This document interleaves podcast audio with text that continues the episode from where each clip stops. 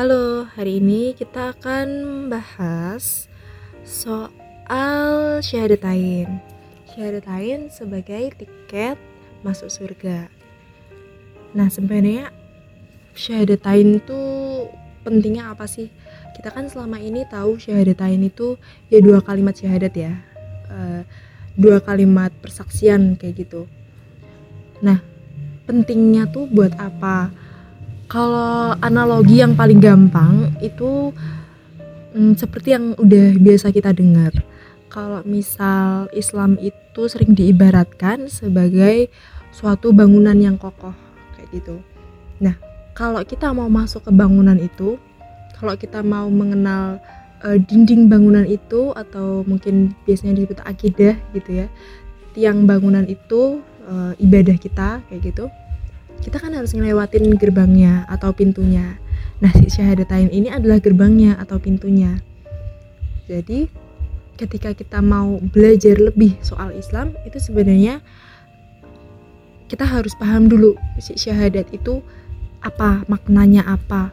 Dan kita benar-benar harus udah selain paham ya men, uh, mengamalkan juga kayak gitu kalau misal kita syahadat aja belum selesai maka kita nggak bisa nih masuk ke lebih dalam lagi ke rumahnya kayak gitu. Karena masuk gerbang aja belum. Nah di situ kayak ibarat bagaimana pentingnya si syahadat ini. Atau kalau misal dalam um, Islam ya itu dalam surah Al-Baqarah ayat 108 dan barang siapa yang menukar iman dengan kekafiran, maka sungguh orang itu telah sesat dari jalan yang lurus. Nah, pemaknaannya bahwa kalau misal kita itu imannya tidak uh, benar bahasanya, itu kita akan uh, berada dalam kesesatan. Dan iman yang benar itu yang dimaksudkan adalah ketika kita memang paham dengan si syahadatain itu dua kalimat persya, uh, dua kalimat persaksian itu tadi kayak gitu. Nah, terus sebenarnya syahadat itu apa sih gitu? Pertama, syahadat itu adalah intisari dari Islam atau bahasanya kayak conclusion, kesimpulan dari Islam itu adalah syahadat. Ya, akidah, ibadah dan lain-lain itu sebenarnya adalah suatu penjabaran yang luas dari syahadatain kayak gitu. Lalu syahadatain itu makna lainnya juga ya. Tadi kan yang pertama adalah intisari tuh dari Islam.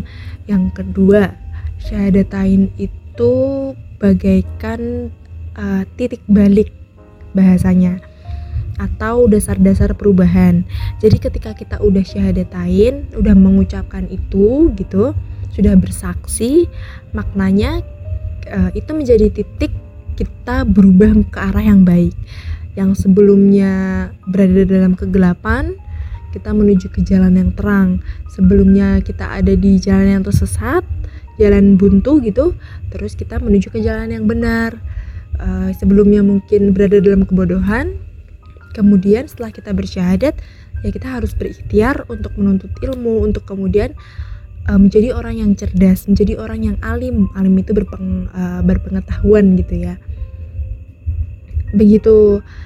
Nah, ini bisa kita lihat kalau misal dalam kisah-kisah mualaf gitu ya mungkin eh, orang-orang yang mungkin sebelumnya belum Islam, uh, maksudnya ya sebelumnya sempat ke agama lain gitulah Nah, terus ketika dia bersyahadat kembali, itu bahasanya seperti mensucikan dirinya sendiri gitu. Nah, itu kayak syahadat tain itu menjadi simbol atas titik baliknya kita dari yang keburukan menuju ke kebaikan kayak gitu.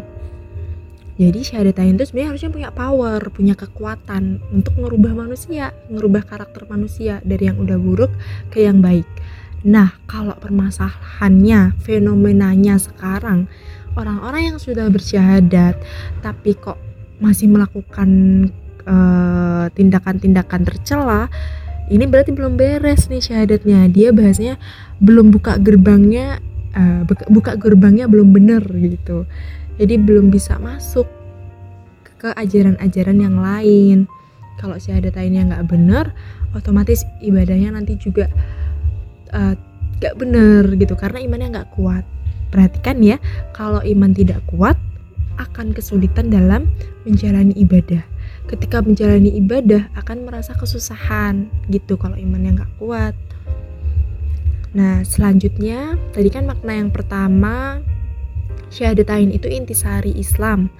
Lalu yang kedua syahadatain itu titik balik atau dasar-dasar perubahan.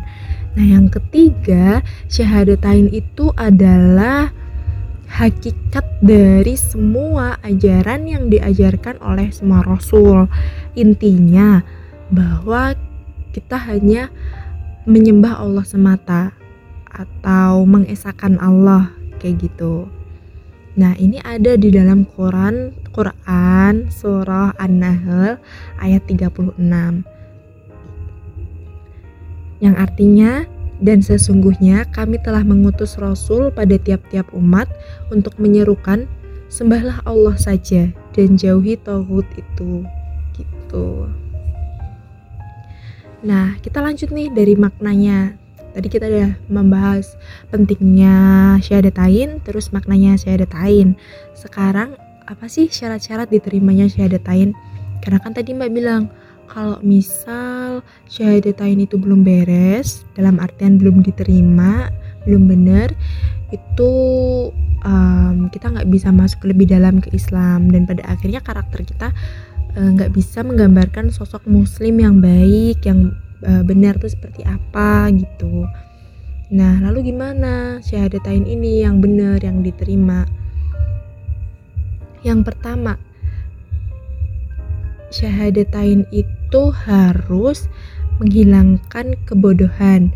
Dalam artian ketika kita mm, memutuskan untuk membaca syahadat ya ketika kita memutuskan bahasanya ketika kita memutuskan untuk berislam maka uh, kita nggak boleh nih berislam uh, atas dasar ketidaktahuan. Dalam artian hmm, cuma ngikut aja atau mungkin kayak ya udah sih kayaknya ini paling gampang gitu agama paling gampang.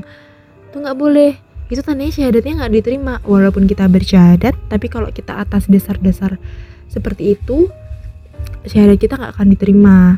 Mungkin bisa jadi kayak oh aku memilih Islam karena aku ngelihat nggak mungkin dong alam semesta ini ada tanpa adanya uh, sosok yang agung yang beda dari makhluk yang lainnya. Dan itu hanya Allah semata kayak gitu.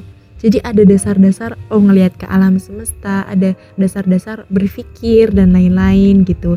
Di situ kemudian syahadat bisa diterima karena kita tahu dasar-dasarnya. Karena kita tidak berada dalam kebodohan dalam makna um, kita memang uh, berilmu gitu. Kita memang punya landasan yang valid, landasan yang kuat gitu. Nah di sisi lain nih, kalau misal kita juga nggak berlandasan yang kuat, jelas nanti bakal gampang buat rapuh.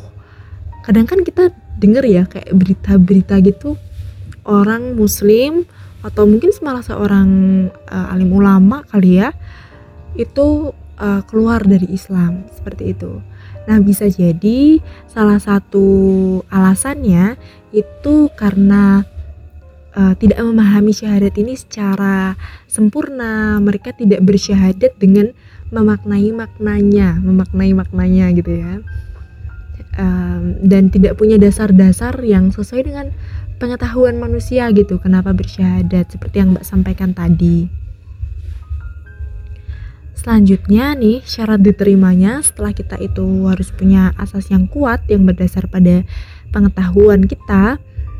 Uh, syahadat ini harus juga tidak ada keraguan di dalamnya. Jadi ketika kita udah bersyahadat, kok masih punya keraguan? Emangnya iya ya ini yang nyiptain Allah? Emangnya iya ya um, daun yang jatuh itu juga udah diperkirakan oleh Allah? Ketika masih ada keraguan seperti itu, tandanya uh, syahadat yang kita ucapkan itu belum kuat dan syahadat yang kita ucapkan itu berarti belum bisa diterima gitu. Nah, kalau misal teman-teman masih ada keraguan seperti itu, uh, teman-teman harus banyak-banyak memperluas wawasannya ya. Jangan sampai uh, seperti hal seperti itu dibiarkan. Jadi bisa tanya ke orang, mungkin boleh tanya ke mentornya atau banyak-banyak baca di uh, internet sumber-sumber referensi yang valid, um, yang paling recommended sih banyak-banyak baca buku. Um, mungkin tafsir Al-Quran bisa. Tafsir Al-Quran kan nanti menjelaskan uh, isi Al-Quran ya dan Al-Quran itu adalah uh, kehidupan kita dari A sampai Z. Jadi pasti sudah dijelaskan hal-hal seperti ini. Dan itu bisa menghapus keraguan-keraguan yang mungkin masih ada di teman-teman semua kayak gitu. Nah selanjutnya syarat untuk diterimanya itu adalah harus bebas dari kemusyrikan. Kalau misal um, teman-teman masih ada nih yang bersyahadat tapi kok um, masih ada pemikiran yang baru-baru ini nih viral ada film eh film video klip ya video klip yang nunjukin intinya sih semua Tuhan itu sama gitu. Semua agama itu sama cuman ibadahnya aja yang beda. Nah, kalau ada pemikiran seperti itu, tandanya masih ada unsur kemusyrikan di dalam kita membaca syahadat. Dan itu tandanya syahadat kita tidak ikhlas tidak ditujukan kepada Allah tidak uh, apa ya tidak um, berdasar pada Allah Taala gitu. Gimana sih bahasa ya gitu. Nah ini lagi-lagi bisa teman-teman perbaikin ya kalau misal ada yang masih berpemikiran seperti itu coba di baca lagi tafsir-tafsir Al-Qur'annya, cari-cari referensi atau tanya ke mentornya juga boleh gitu. Nah, terus hmm, syarat diterimanya selanjut yang selanjutnya yaitu syahadat itu harus diucapkan sejujurnya. Dalam artian nih, kalau misal um, pada zaman dahulu ya ada di Madinah itu ada kaum munaf um, kaum munafik yang mereka juga Islam tapi mereka ini sebenarnya bersekongkol dengan kaum kafir dan mereka ini nggak nggak mm, apa ya nggak benar-benar beribadah dengan ikhlas gitu. Jadi mereka bersyahadat tapi syahadatnya kayak bohongan gitu. Nah ini tentu syahadatnya nggak akan diterima. Selanjutnya lagi uh, diterima syarat diterimanya syahadat itu adalah ketika kita mengucap syahadat bukan karena terpaksa kalau karena kita dituntut orang lain karena kita dipush orang lain sama aja syahadatnya nggak diterima. Atau karena kita um, apa ya ya intinya kalau misal belum berdasar pada rasa cinta terhadap Islam gitu ya itu syahadatnya berarti masih dalam artian terpaksa gitu.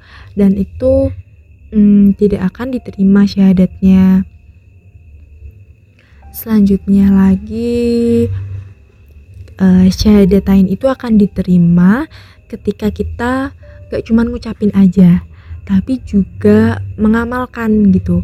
Karena kan arti iman itu ya tidak hanya di uh, di yakini dalam hati aja tidak hanya diikrarkan dalam uh, melalui bibir saja tapi juga uh, diamalkan dalam amalan sehari-hari oleh seluruh anggota badan kita kayak gitu. Jadi kalau masih waduh diajak sedekah kok susah terus kayak hmm, mau nggak menggunjing orang kok susah nah itu berarti kita masih enggan dalam beramal, masih belum patuh melaksanakan apa yang disyariatkan oleh syahadat itu tadi, permaknaan-pemaknaan dari syahadat itu tadi gitu. Dan tentunya syahadat kita tidak akan diterima dong kalau misal kita belum uh, beramal sesuai dengan syahadat yang telah kita ikrarkan gitu.